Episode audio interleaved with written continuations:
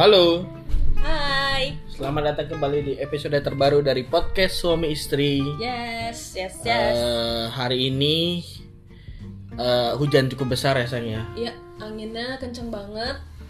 dan ya, Beberapa tetangga. menga- ya ada beberapa yang mungkin eh, bocor atau kanopinya jadi sedikit penyok gitu ya. Iya betul.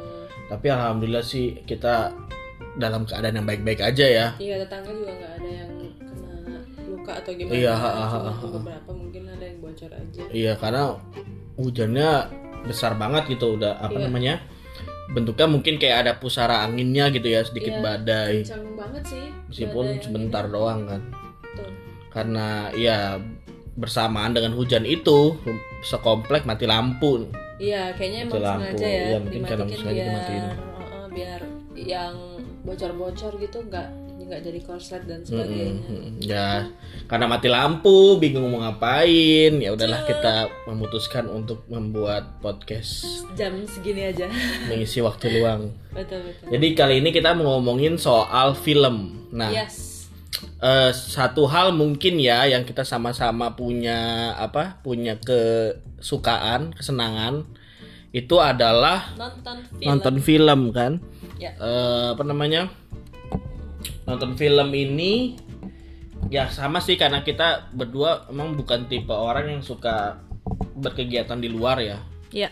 jadi kita senang banget nonton film dan dari film sebenarnya itu yang pertama kali jadi kita membuka bahan diskusi. Betul. Misalnya kita nonton film eh, yang kemarin tuh kita nonton film Squid Game kan Ya. dalam dua hari. Dalam dua hari dan langsung habis. mungkin sekitar 9 episode kalau nggak salah ya. Iya, ada 9 episode. eh apa ya seperti ini sih seperti film escape room ya. Jadi itu banyak orang sekelompok orang yang mungkin di kehidupan nyatanya tuh dia mengalami kegagalan atau punya hutang. Terus diikut mengikut sertakan diri gitu ya Dalam pada semua tantangan. Isinya ada game 6 game Ya. dan gamenya tuh game anak-anak gitu kan Iya, game-game masa bedanya kecil dari escape room ya. Ini gamenya sebenarnya game receh, game game ya game-game anak-anak di Korea Game kan anak di Korea. Meskipun ada beberapa yang relate lah sama kita kayak Iya, tarik tambang. Kebanyakan iya, kebanyakan sih itu gamenya relate sama kita kecuali yang terakhir aja. Yang Squid Game-nya Yang si sendiri. Squid Game-nya, Squid game Game. ke-6 itu yang Iya. penentu finalnya itu eh, dijelasin di awal kayak Kalau- gimana cara mainnya tapi itu jadi game final lah. Tapi selain Hmm. itu ada 5 game eh 6 ya.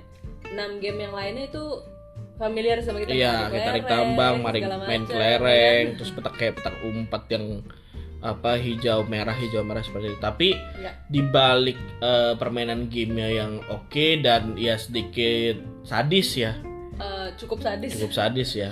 Iya. Nah kita tuh Unpredictable sih. betul unpredictable. Tapi yang yang yang seru tuh kita ngikutin perkembangan karakternya dari Ya. si Gihun ya, Gihun ya ini tokoh Karakter utamanya. utamanya. mungkin waktu kita nonton di awal-awal kayaknya ini brengsek amat nih orang kan maksudnya kan dalam artian eh, dia hidupnya udah gagal terus juga bercerai dia juga nggak bisa ngurusin anaknya anaknya sama bapaknya yang baru hidupnya lebih bahagia bahkan mau pindah ke Amerika gitu kan Terus dia masih numpang hidup sama ibunya. Numpang hidup sama ibunya. ibunya dia buat judi lagi kan Iya. buat judi dan akhirnya dia terlibat hutang yang eh, cukup besar lah gitu kan sampai akhirnya dia memutuskan untuk- tapi di sepanjang game itu kita bisa dilihat bahwa dia sebenarnya orangnya peduli gitu ya Ya, itu salah satu karakter yang paling menonjol dari dia sebenarnya peduli. sama peduli orang ya lain. kan dia peduli sama orang lain dia eh, kayak misalnya dia di game dia dari game pertama sebenarnya ya dari mulai game pertama sampai game eh, apa kelereng tuh kan dia Iya. cukup dekat sama kakek-kakek ya Iya, kakek-kakek. terutama ya Iya. jadi ada orang eh, jadi ada peserta yang usianya paling tua di situ tapi nomornya nomor satu Iya, jadi dia seolah peserta pertama lah karena Peserta di sini pertama. mereka dinomorin sesuai dengan urutan mendaftar. iya dan Iya itu kan? adalah jumlah uang yang dikasih juga kan Iya. 456 Iya, jadi sana ada 456 peserta. hmm. Nanti yang pemenang itu akan mendapatkan 456 miliar ya 45 miliar 45 miliar 45,6 miliar dalam Won. mata uang uh, Korea. won. Korea jadi ya terlihat bahwa di sepanjang film kita bisa ngikutin eh, dia dari perspektif yang lain. Kalau di awal-awal kita ngeliat nih orang ngeselin banget, brengsek banget. Tapi sepanjang alur film ternyata dia peduli, berani berkorban. betul. Dan dia memang dia apa ya? Dia nggak dia nggak menggunakan segala cara, misalnya misalnya curang atau mengkhianati Iya, temannya. dia nggak nggak berusaha untuk melakukan hal-hal yang aneh-aneh lah. Iya, iya, dia purely cuman- game aja, Iya, ikut dia game. eh, kayak anak kecil. Kayak anak Iya kecil, kan? iya, Kayak anak betul. kecil cuman menikmati game terus pengen Iya, ya iya. otomatis pengen menang karena kalau nggak menang dia di sana Iya, iya, iya. dibunuh.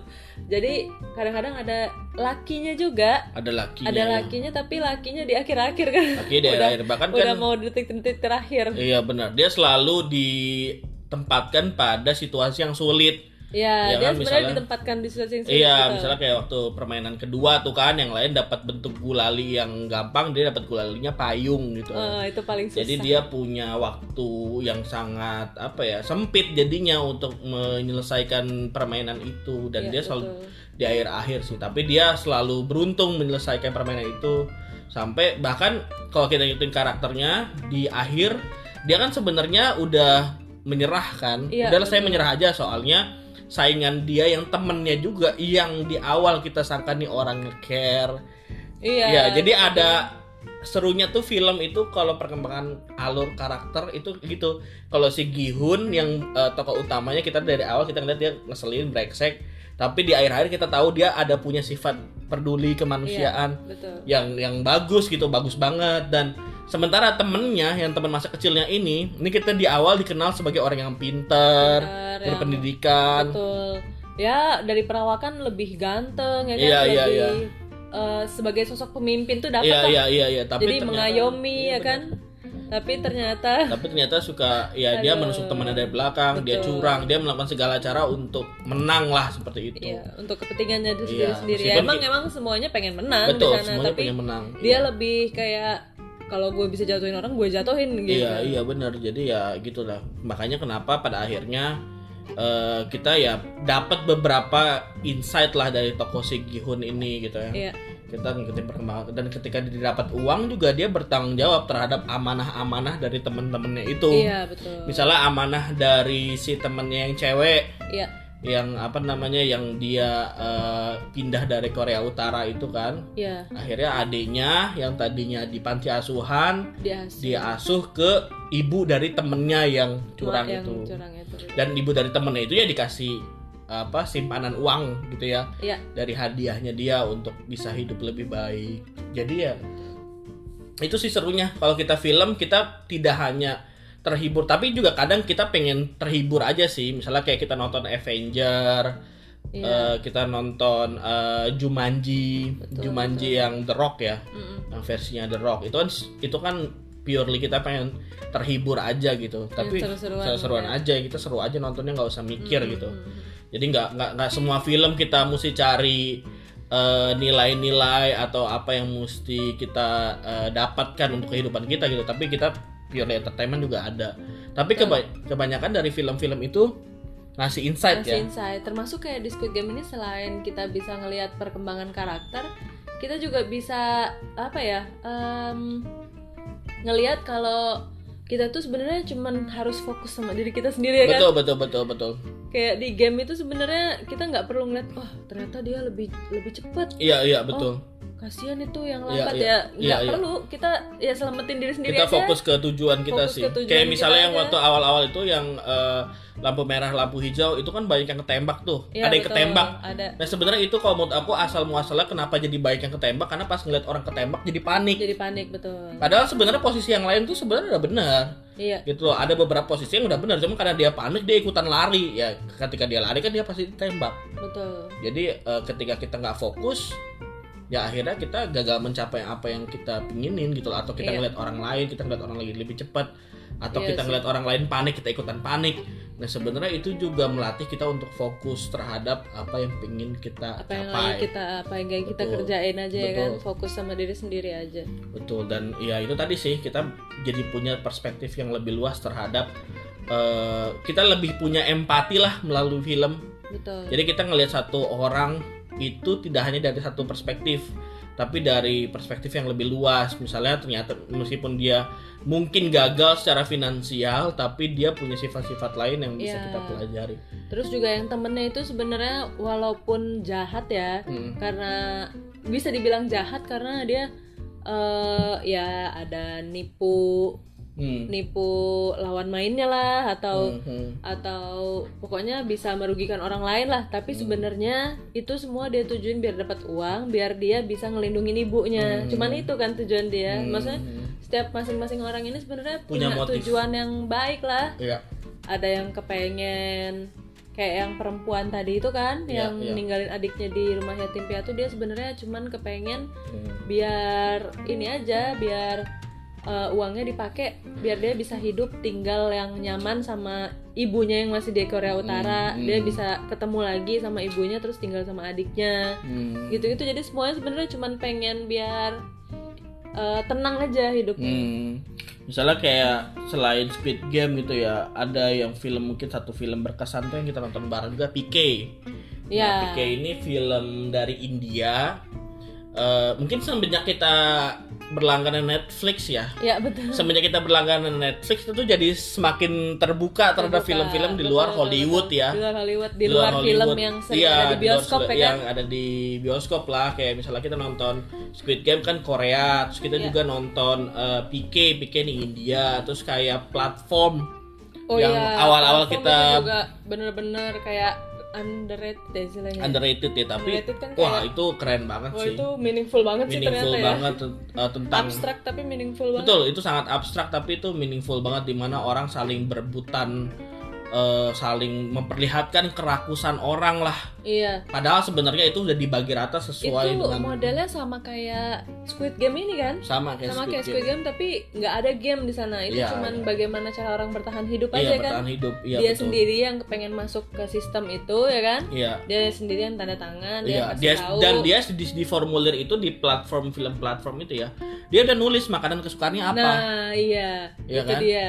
Jadi di film platform itu mereka tinggal di eh, platform-platform lantai-lantai lah, Iya, ya kan? iya. Satu lantai itu isinya ada dua orang, Mm-mm. terus makanan lewat dari platform tengah entah gimana pokoknya Mm. bagian tengah itu bolong Iya. dari atas Betul. banget tingkat berapa lah tingkat berapa ratus pokoknya Iya, sampai paling bawah itu bolong itu adalah tempat buat turunnya makanan Turunnya makanan, iya. kayak lift semacam lift gitu Mm. tapi itu tinggi banget jadi mereka nggak akan bisa mencapai lantai satu sama lain lah istilahnya Mm. nah terus setiap hari mereka bangun di lantai yang berbeda ya kan Iya, setiap iya. berapa minggu sekali gitu nah di situ otomatis karena makanan turunnya dari atas yang paling atas bakalan dapat semua makanan Mm. jadi dia bisa milih makanan apa pun Mm. pas sampai paling bawah otomatis kalau yang atasnya itu nggak Rakus. rakus Iya. nggak makan sesuai porsinya otomatis yang paling bawah itu udah Iya, nggak dapat iya. apa-apa lagi Ah, jangan ah, kan iya. sampai paling bawah yang Betul. paling yang di tengah aja Iya, kadang udah nggak dapat kan Iya, makanya jadinya kan eh padahal kan di situ dia udah ditulis ya makanan kesukaannya Iya, apa. betul. Harusnya kalau dia makan sesuai porsinya aja, itu udah itu semua orang pasti dapat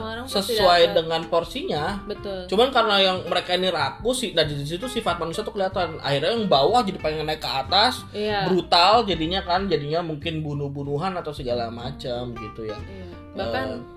karena saking laparnya yang di lantai-lantai bawah yang nggak dapat yang sering nggak dapat makanan Hmm. lagi bahkan dia bisa sampai makan temennya sendiri Iya benar-benar ya itu maksudnya eh, itu itu jadi apa ya? Film itu membuat kita jadi lebih terbuka lah pikirannya terhadap hal itu. iya, Misalnya kayak tadi kita bahas PK. Nah, kalau PK ini dari India nih. Ya. Dia ini Amir Khan yang eh eh, Jadi yang aktor jadi utamanya. aktor utamanya. Dia juga waktu itu main Three Idiots kan. Jadi Hmm. Amir Khan cukup cukup terkenal lah untuk itu. Nah, di kalau di PK ini ngebahas soal hal yang sensitif ya. hal yang sensitif. Tapi memang dekat sih, terutama dengan kebudayaan kayak di Indonesia gitu iya. Ya. Karena kan di India juga bagai apa berbagai macam suku agama di situ ya. Iya.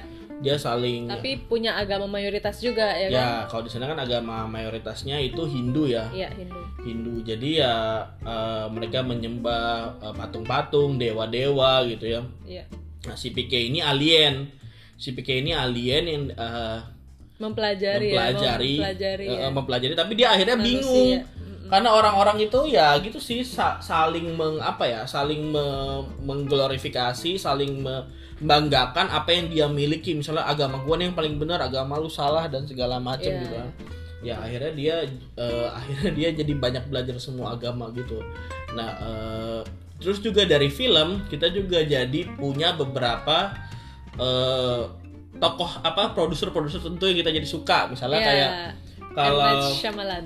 Nah, Night Shyamalan tuh yang kemarin kita nonton film Old gitu kan, yang nonton film Old, yang filmnya tuh abstrak ya rata-rata ya filmnya Iya. abstrak. Yang kemarin film Old itu yang bagaimana orang terjebak di satu pantai, terus tiba-tiba di situ waktu berjalan dengan cepat Iya. gitu kan. Misalnya di situ kok nggak salah itu satu jam itu sama dengan tujuh tahun ya. Iya, betul. Satu jam dengan tujuh makanya anak-anaknya yang tadinya ikut di situ tiba-tiba pas selesai ada dua orang yang selamat nih anak kecil tadinya nih dua orang tiba-tiba udah udah dewasa, Udah gitu. dewasa. Udah Baru tua. satu hari ya kan? betul jadi kayak misalnya uh, apa namanya uh, kalau misalnya Conjuring terus juga ada yang kemarin juga Malignan ada juga filmnya uh, Aquaman itu dibikinnya sama sama sama produser yang sama tuh jadi itu kita juga bisa dapat oh kalau produser yang bikin film ini diarahnya ke mana Iya. kalau Christopher Nolan Christopher Nolan yang bikin Batman Iya. yang bikin Tenet Tenet. nah itu kan juga film-film Beda yang lagi tuh. iya iya itu film-film yang apa ya yang itu tadi sih kita belajar untuk mengetahui Eh, kalau bagi- Tenet apa ya? Aku lupa. Tenet tuh yang dia waktunya mundur itu loh yang Oh iya, benar benar benar. ya Tenet benar. itu itu kan Christopher Nolan tuh Christopher Nolan terus eh, dia Batman Batman yang apa Batman yang Joker Head Heart Ledger terus juga bikin eh, bikin Tenet bikin Inception Iya, iya. nah itu eh, film-film yang itu tadi sih kita berusaha ngikutin alurnya terus kita juga seneng karena Iya. banyak penokohan-penokohan jadi kita perspektifnya jadi lebih luas Betul. kayak Interstellar yang kemarin kita nonton Iya, itu mungkin salah satu nonton. film favorit kita ya Interstellar itu ya Iya.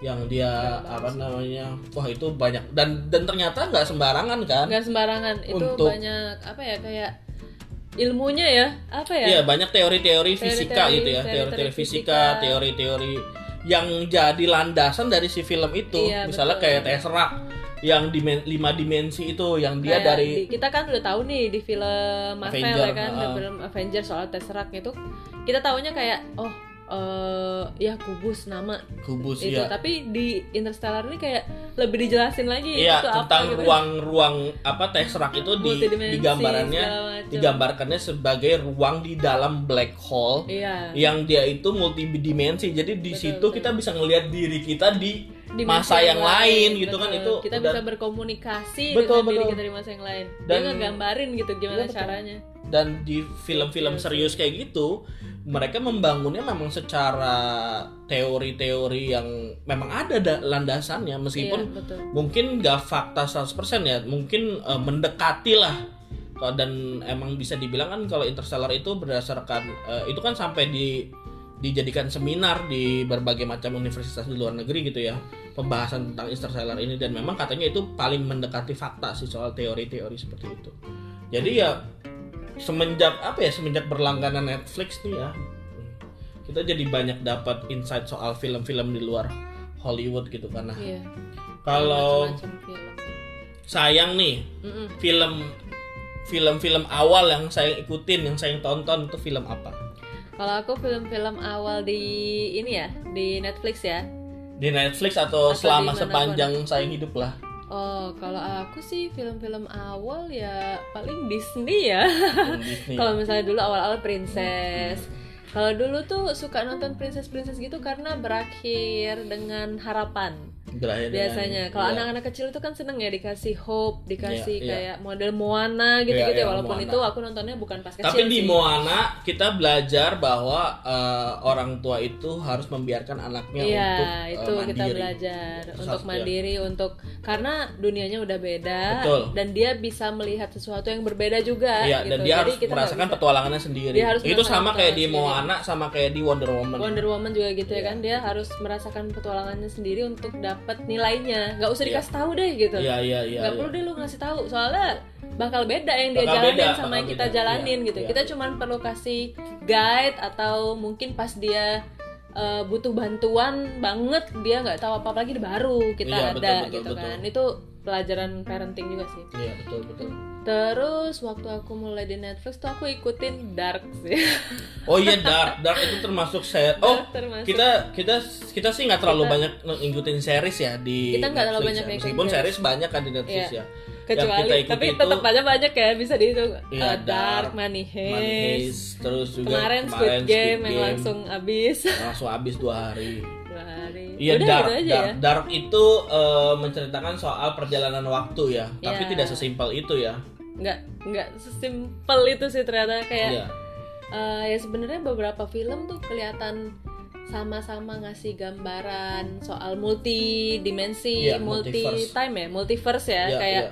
eh, waktu yang berbeda. Tapi kalau di Dark ini lebih ke satu orang itu bisa ada di eh waktu bisa pergi, bukan ada, tapi dia bisa pergi ke waktu yang berbeda. Hmm. Jadi satu orang ini misalnya aku, aku bisa pergi ke masa lalu dan masa depan. Iya, Jadi ada waktu di mana aku bisa ngelihat aku di masa depan. masa depannya atau di masa lalunya gitu, bisa Iya, ketemu gitu. Aku yang di dua masa berbeda bisa ketemu di satu tempat lah istilahnya. Dan Nah itu keren banget sih itu agak pusing sih sebenarnya, Iya, iya. tapi itu keren banget kayak si ngegambarin. Adam itu ya. Iya si Adam itu dan ternyata pas di akhir sebenarnya dunia kayak gitu tuh nggak ada tapi Iya. itu terbentuk terbentuk karena orang yang pengen ngebalikin masa lalu Iya, iya. istilahnya gitu ya Iya, kan dan- jadi dunianya malah kepecah jadi tiga gitu Iya benar. jadi mereka harus merelakan diri mereka tuh nggak ada mereka akhirnya nggak ada. Iya. Ya itu sih kita nggak di situ juga ngajarin bahwa waktu itu nggak bisa dirubah. Kalau waktu itu berusaha dirubah, pasti ada yang berubah karena kita berusaha merubah. Betul. Dan di Dark itu ya kayak sebenarnya kan itu kan banyak filmnya awalnya tuh eh, di awal-awal sesinya itu kan tentang pembunuhan, tentang maksudnya mereka itu berusaha mengung- mengungkap siapa sih yang bunuh ini. Hmm. Terus pas diungkap lagi, oh ternyata yang bunuh ini pengen sebenarnya pengen karena karena dikejar ini, jadi dia Hmm. harus ngebunuh gitu kan Iya iya iya iya. jadi dia nggak pengen sebenarnya ngebunuh orang ini tapi karena dia tahu orang yang dibunuh ini bakal nyakitin orang lain akhirnya dia bunuh nah Betul, makanya betul. mereka cari lagi cari lagi sampai sebenarnya jadi kelihatan kalau manusia itu eh, sebenarnya pengen punya alasan gitu loh untuk Iya. melakukan dalam melakukan Betul kejahatan betul dia betul. nggak Bahkan untuk pengen mel- jahat untuk sebenarnya. melakukan yang kita anggap sebagai kejahatan pun sebenarnya ada Iya, motif ada yang nggak sesederhana yang, itu. eh, yang kita nggak belum paham lah Iya yang Kita nggak sederhana, sederhana orang itu, orang jahat pengen mengakhiri hidup seseorang aja Iya kan. betul. Jadi malahan kelihatan di sana kayak tujuannya sebenarnya mulia. Mereka pengen men-solve masalah Iya, iya. dunia mereka lah yang Iya, kacau iya. balau ternyata gitu kan. Ya, Kayak tapi ternyata dengan mereka mempermainkan waktu jadi ada timeline yang hancur iya, juga hancur kan dan juga, akibat yang betul. Mesti mereka Kompleks lah, kompleks banget sih. betul betul ya mungkin kalau misalnya yang ringannya nonton Avenger ya nonton Avenger, Money Heist juga ya kan. Money Tapi Heist. itu juga keren banget sih di sebenarnya. Money Heist itu ya sebenarnya sama sih setiap film itu ngasih perspektif kita yang lebih luas jadi kita nggak gampang ngejudge orang gitu Betul, ibaratnya. betul, setiap betul. orang itu punya motifnya tujuannya bahkan untuk kasus orang yang merampok bank sekalipun Iya. gitu ya Orang yang merampok bank sekalipun sebenarnya mereka pe- nggak pengen ya otomatis uangnya uang, oke lah ya iya. otomatis kan itu untuk untuk hidup untuk beli Iya, makan segala macam tapi ada istilahnya di Heist itu kan ada nilai yang lebih dari uang yang Iya, pengen iya. mereka sampaikan Iya, mereka iya. pengen ngasih tahu kita eh, apa namanya Eh, bela itu apa bentuk perlawanan Perlawanan gitu kan. Kenapa? Dan di situ kan kelihatan kan Resistance kayak gitu kan. ah resisten. Jadi di situ juga kelihatan bahwa eh, pemerintahannya ya memang secara umum pemerintahan digambarkan sebagai sekumpulan orang yang rela melakukan apa pun. Misalnya kayak di Iya. eh, Money Heist tuh padahal nggak boleh tuh menyiksa Sandra.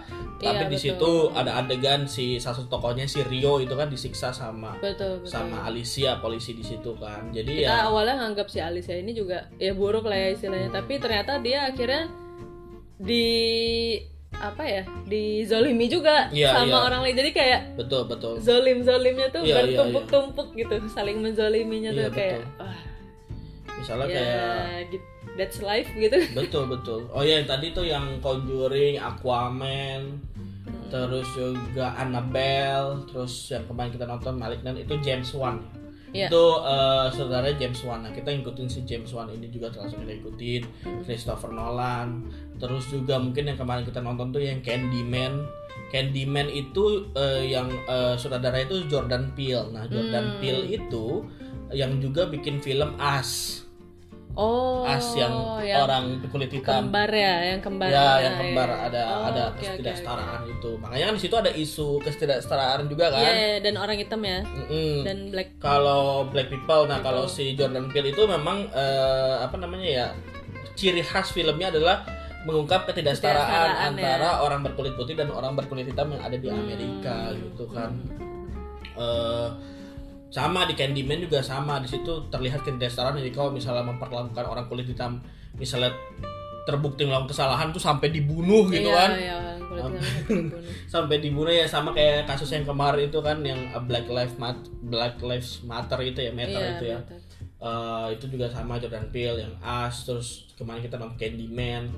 Terus ada lagi film sebelumnya juga sama tuh yang dia dihipnotis itu yang di rumahnya itu juga jadi ya selain sebagai hiburan sebenarnya setelah nonton film itu kita bisa jadi bahan diskusi ya Iya, kita biasanya berdiskusi lebih lanjut sih ya soal Iya. apa yang bisa kita dapat dari Bisa kita film dapat itu. eh, betul bahkan dari film-film yang kita anggap sebagai hiburan pun kita senang untuk berdiskusi lebih lanjut sih Betul betul. Kayak misalnya A juga waktu Interstellar kan A lebih gali lebih lanjut oh ternyata Iya, ada penelitiannya iya, lah iya. segala macam itu yang paling ngegambarin. Jadi kan kalau sekarang kan yang mungkin ya ada beberapa orang yang dapat ilmu dari baca buku, dari mungkin nonton video video tutorial dan segala macam. Nah, mungkin film ini bisa jadi satu media pembelajaran yang tidak ngerasa tidak merasa seperti belajar. Iya betul.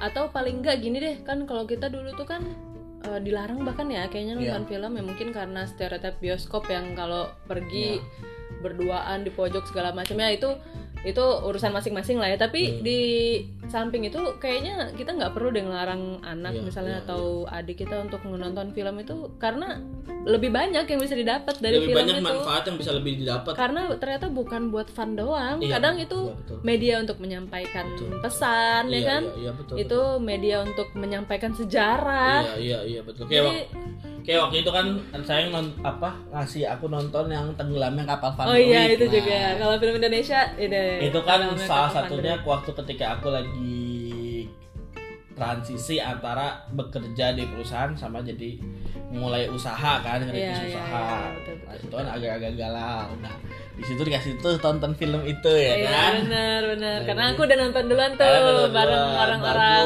UIN ya nih kan? kan? Nah. bagus wah ini bagus nih bisa meningkatkan motivasi banget nih gitu. ya oke lah filmnya bagus itu dan ya itu sih sebagai media apa ya?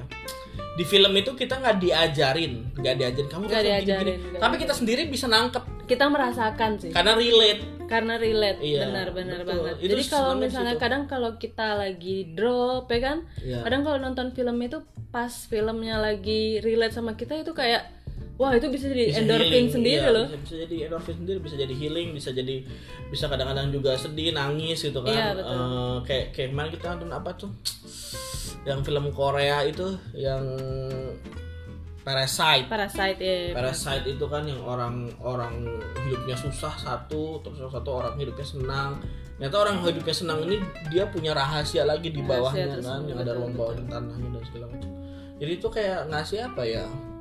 Sebenarnya film itu ngasih satu hal yang memudahkan kita untuk merasakan banyak perasaan banyak perjalanan orang perjalanan tokohnya di situ. Betul betul. Yang sebenarnya kita eh, nggak harus jadi parno misalnya kayak nonton World of Merit atau nonton apa gitu yang sekarang Ya, lagi hits selingkuh tentang selingkuh perselingkuhan gitu ya. ya kita bisa memilih untuk eh, mencari nilai-nilai positifnya lah untuk diri kita gitu. Karena betul. di film itu memang nggak diajarin dan itu kan Hmm. paling sebenarnya kan ya media pembelajaran dia yang baik itu kan kalau tidak diajarin. Iya.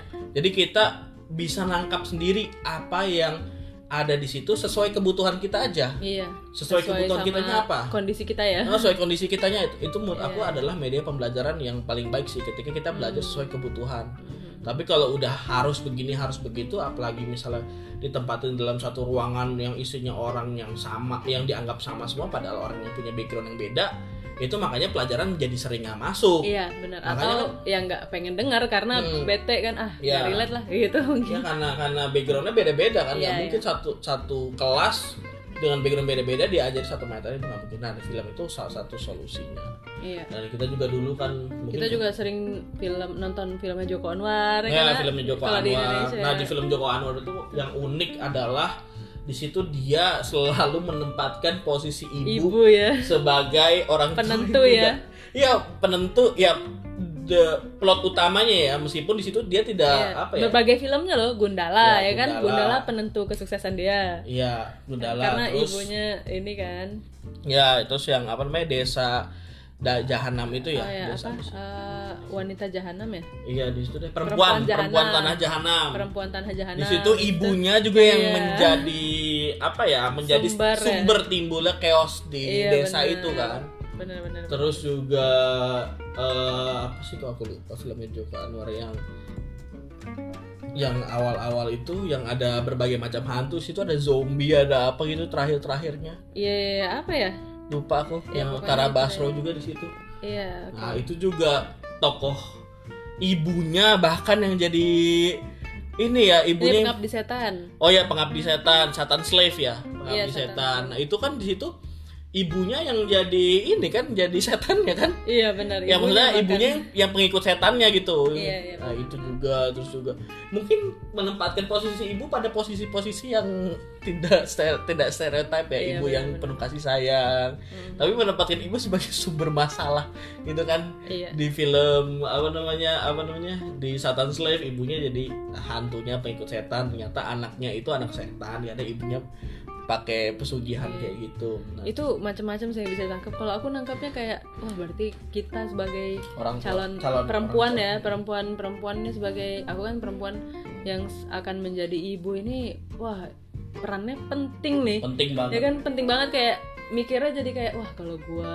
rusak wah rusak semua nih Iya, keturunan iya. jadi gitu loh ya sebagai kayak ini jadi kadang-kadang bisa bisa kita ambil jadi wah gua sebagai ibu harus harus apa ya mempersiapkan yang terbaik nih harus Hmm. mikirin yang terbaik jangan aneh-aneh nih gitu kan biar Hmm. keturunan gua baik-baik juga gitu. Ya pokoknya ya ya itu sih kayak film Gundala kan juga ibunya ninggalin dia kan. Oh iya. Dengan Oh, itu alasan- ninggalin juga ya? Iya dengan ya ninggalin dia waktu kecil kan. Iya, waktu bapaknya meninggal kerusuhan tiba-tiba eh, ibunya juga ninggalin. Nah sampai sekarang kita belum tahu alasan dengan belum ada kelanjutannya. Iya, jadi ya itu jadi ya itulah ciri khasnya film Joko Anwar gitu ya menempatkan Iya. ibu pada posisi-posisi yang apa ya sama kayak di film apa tuh yang yang Fahri Albar tuh itu juga Joko Anwar tuh yang Iya, Fahri Albar kalau sama film Fahri Albar ini ya eh Pintu Terlarang. Pintu Nah, Terlarang. Pintu Terlarang juga kan di situ kan dilihat kalau ibunya suka nyiksa anaknya kan. iya iya benar Ibunya juga suka nyiksa anaknya. Makanya anaknya jadi anaknya jadi punya psycho gitu. penyakit jadi psycho ke ya eh, jadi men- terbelakang mental. Ya jadi ya eh, film itu kita kan nggak punya banyak pengalaman ya. Mm-mm. Kita hidup dalam latar belakang keluarga yang udah kita cuma punya satu ayah, satu ibu, satu adik, satu kakak ya mungkin beberapa adik, beberapa kakak, tapi satu keluarga aja. Jadi satu keluarga itu kan berarti kita punya pengalaman based on keluarga kita masing-masing, based on referensi yang dikasih ayah kita, Iya. dikasih ibu kita. betul Mungkin kalau kita udah dewasa, kita nyari referensi itu sendiri. Tapi kan kita nggak punya waktu luang untuk berkeliling dunia misalnya, atau kita punya teman dari seluruh penjuru negara gitu ya. Hmm. Nah, film ini mengajarkan untuk itu. Kita tahu kebudayaan di India, kita tahu kebudayaan di Korea lewat Squid Game kemarin. Kita tahu perspektif lain tentang menjadi orang tua di filmnya Joko kita tahu Eh, pandangan agama lain terhadap agama kita Iya, terhadap misalnya agama kita kayak atau keberagaman agama itu kayak gimana biasanya Iya, iya kan? kayak gitu. Terus juga ya itu sih jadi jadi kita punya apa ya? Punya pandangan yang lebih luas dan empati yang lebih luas untuk meng, apa ya? memaklumi memaklumi perbuatan-perbuatan orang yang mungkin tadinya kita nggak tahu misalnya orang Iya, yang iya. eh, punya orientasi seksual yang berbeda misalnya dia gay atau misalnya Iya. dia lesbian atau misalnya dia apa pun itulah hal-hal yang mungkin tadinya kita anggap "Eh, kok bisa kayak gini? Kok dia eh, jadi waria atau segala macam? Kita jadi punya pemahaman yang lebih luas melalui film ini. Iya. gitu ya. Jadi nggak mudah menjudge orang ya. Betul. Itu dan yang dan itu dan itu dan itu mengatasi cukup banyak masalah sih. Karena kan Iya, kadang iya, kita jadi kesel kalau ngeliat ada ngeliat orang berbeda masih banyak Iya. orang kayak gitu. Dulu dulu waktu sebelum kenal sama sayang. Maksudnya eh, kenal sama AA ngobrol-ngobrol kayak gini. Dulu sebelum sebelum masa-masa itu tuh kayak wah kalau ngeliat orang beda dikit tuh aku kayak udah wah ngejudge-nya parah banget ya kayak ih males banget ya ngerjain tugas. Bahkan untuk ngerjain tugas aja aku kayak ih males banget sih ngerjain tugas. Salah sendiri itu kan nggak ngerjain tugas lalala gitu. Dan itu kan ngabisin energi kita kan. Iya, akhirnya kita energi jadi banget. Jadinya- misalnya kita punya kerjaan tertentu akhirnya jadi terbengkalai dan sebagainya. Iya, jadi kan selain ngabisin energi juga jadinya ka, a- membawa apa terpengaruh apa eh, sikap aku kan terpengaruh sama sikap aku kan. Jadi Iya, iya. karena di otak aku kayak gitu tadinya. Iya, iya, iya. Jadi pas ketemu orangnya mungkin sikap aku terpengaruh makanya aku kan nggak jadi kurang berteman. friendly gitu Kurang kan. friendly lah istilahnya. jadi, Jadi jadi vibe-nya vibe iya, vibesnya lah. negatif. Aku Ya, kalau kita ngeliat orang kita berasa kita- negatif banget kita, sih dulu kita kayaknya. taruhnya dia pada perspektif negatif dulu bukan iya, jadi bukan berusaha. yang keluar dari mulut aku, yang sikap yang aku tampilin itu udah negatif semua. Pantesan aku dulu jarang banget berteman, maksudnya yang atau mungkin orang kurang Betah. kurang nyaman Nggak ya, yang nyam- nyaman lah paling nggak yang nyaman ngobrol lama-lama sama aku tuh dikit banget sih. iya iya jadi ya itu Eh bahkan Aa juga cerita kan, dulu aku nyebelin banget. iya tidak seterbuka sekarang iya tidak terbuka tidak sekarang. terbuka sekarang jadi ya itu sih mungkin apalagi ya, itu aja kita mau bahas hari ini Iya sih. jadi kita Kalau- mau jelasin bahwa eh, ke hobi kita nonton film ini Bisa bisa berdampak ya. baik lah bagi dan kita sebagai suami Apa istri juga discuss from movie apa? redefining with movie Oh iya, redefining with movie. Iya, jadi kita bisa mendefinisikan ulang apa yang tadinya menurut kita punya perspektif dari keluarga kita, dari lingkungan kita, society, dari agama kita.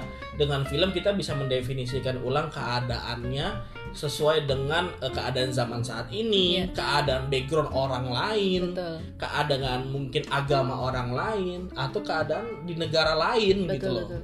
Itu kayak seolah kita berusaha menghargai orang lain, tapi padahal enggak. Enggak, Itu tujuannya untuk kita sendiri. betul. biar kita nggak ngeliat apa-apa jadi panas lah, Iya. ngeliat apa-apa jadi Betul. dikit panas. Padahal enggak. Maksudnya dengan itu kita dengan menghargai orang lain dengan melihat bahwa perbedaan itu oke-oke aja, Biasa biasa, aja. aja. Kita jadi yang ngeliat Iya. apa ya tenang aja. Ya, itu baliknya ke kita sendiri. Baliknya jadi ke kita sendiri. bukan kita berusaha jadi baik ya Bukan tapi itu memang membuat pleasure ke orang lain iya, ya, enggak sih. bukannya kita pengen menyenangkan orang lain Iya, tapi enggak. itu balik ke kita sendiri Tapi itu Dan fungsi itu ya, dan fungsi. gunanya buat Iya. kita sendiri Ya, benar memang memang eh, normalnya manusia itu memang saling menghargai dan memaklumi Benar sih. sih. justru kalau yang tidak menghargai itu ya dia udah melenceng dari dari apa ya prinsipnya sebagai manusia sosial lah Iya, benar benar setuju setuju. Gitu ya. mungkin Mantap. itu aja yang mau kita bahas pada episode kali ini lampunya Redefining belum, with movie. lampunya belum nyala Yes. masih belum nyala jadi lampunya mas kita masih berjuang kita ya masih berjuang karena udah mungkin mau nanti kita mau beli lilin kali ya ya mungkin nanti kita lihat Oke deh. Mungkin episode kali ini itu aja. Sampai jumpa di episode selanjutnya. Dadah. Bye